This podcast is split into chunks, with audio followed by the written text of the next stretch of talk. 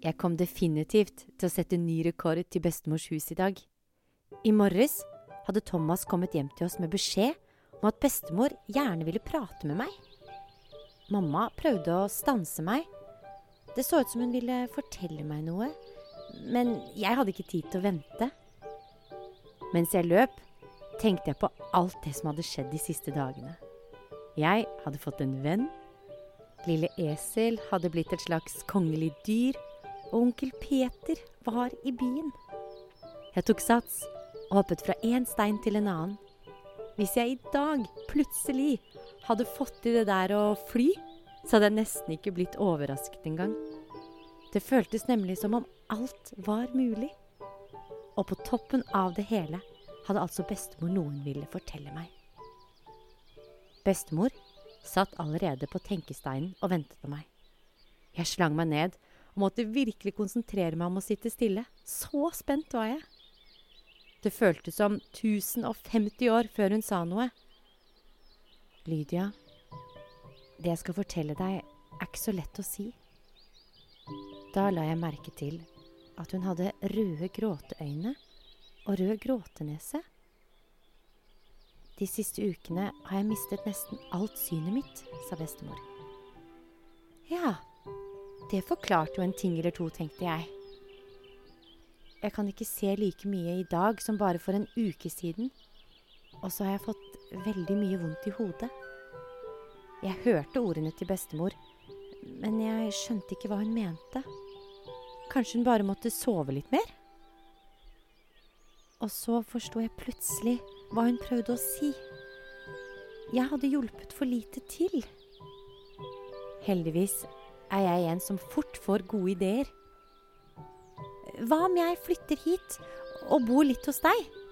Da kan jeg hjelpe. Takk, Lydia. Jeg har allerede avtalt med mamma at du kan bo her litt. Jeg spratt opp og klappet i hendene. Der ser du! Det var jo ikke noe å være lei seg for. Bare sitt her, du. Jeg, jeg gjør rent i krybben til dyrene med en gang, sa jeg og sprang for å finne halm. Flytt og bo hos bestemor og dyrene i noen dager. Ja, det var faktisk en temmelig god nyhet, tenkte jeg. Det tok litt tid, men så kom bestemor gående til krybben, hun også. Hun kunne nok prøvd å se litt mer glad ut for at jeg skulle flytte hit og hjelpe til, men det sa jeg ikke noe om. Du vet jo fetteren min, Andreas. Han kan nesten ikke se noe. Han har aldri gjort det. Men han er den eneste i Betlehem som klarer å slå meg i klatring. Og sist gang jeg møtte ham, løp han faktisk fortere enn meg. Han er den friskeste jeg vet om. Så du trenger ikke å gråte mer, bestemor. Men bestemor var fremdeles trist i skuldrene og føttene sine. Lydia, det er noe mer jeg må si deg. Kom tilbake og prat med meg men nå lot jeg som jeg ikke hørte henne. Det var som at jeg langt inni meg allerede hadde forstått hva hun skulle si. Og så fortalte hun det som ødela alt. Det som gjorde at ingenting noensinne skulle bli som før igjen.